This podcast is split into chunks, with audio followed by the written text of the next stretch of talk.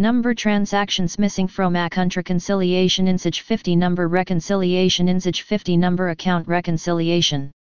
Resolve, transactions missing from account reconciliation in Sage 50. This guide explains why a transaction doesn't appear in the bank reconciliation window in Sage 50 accounts. There are multiple reasons behind this issue. Let's look at how to fix the issue transactions missing from account reconciliation in Sage 50.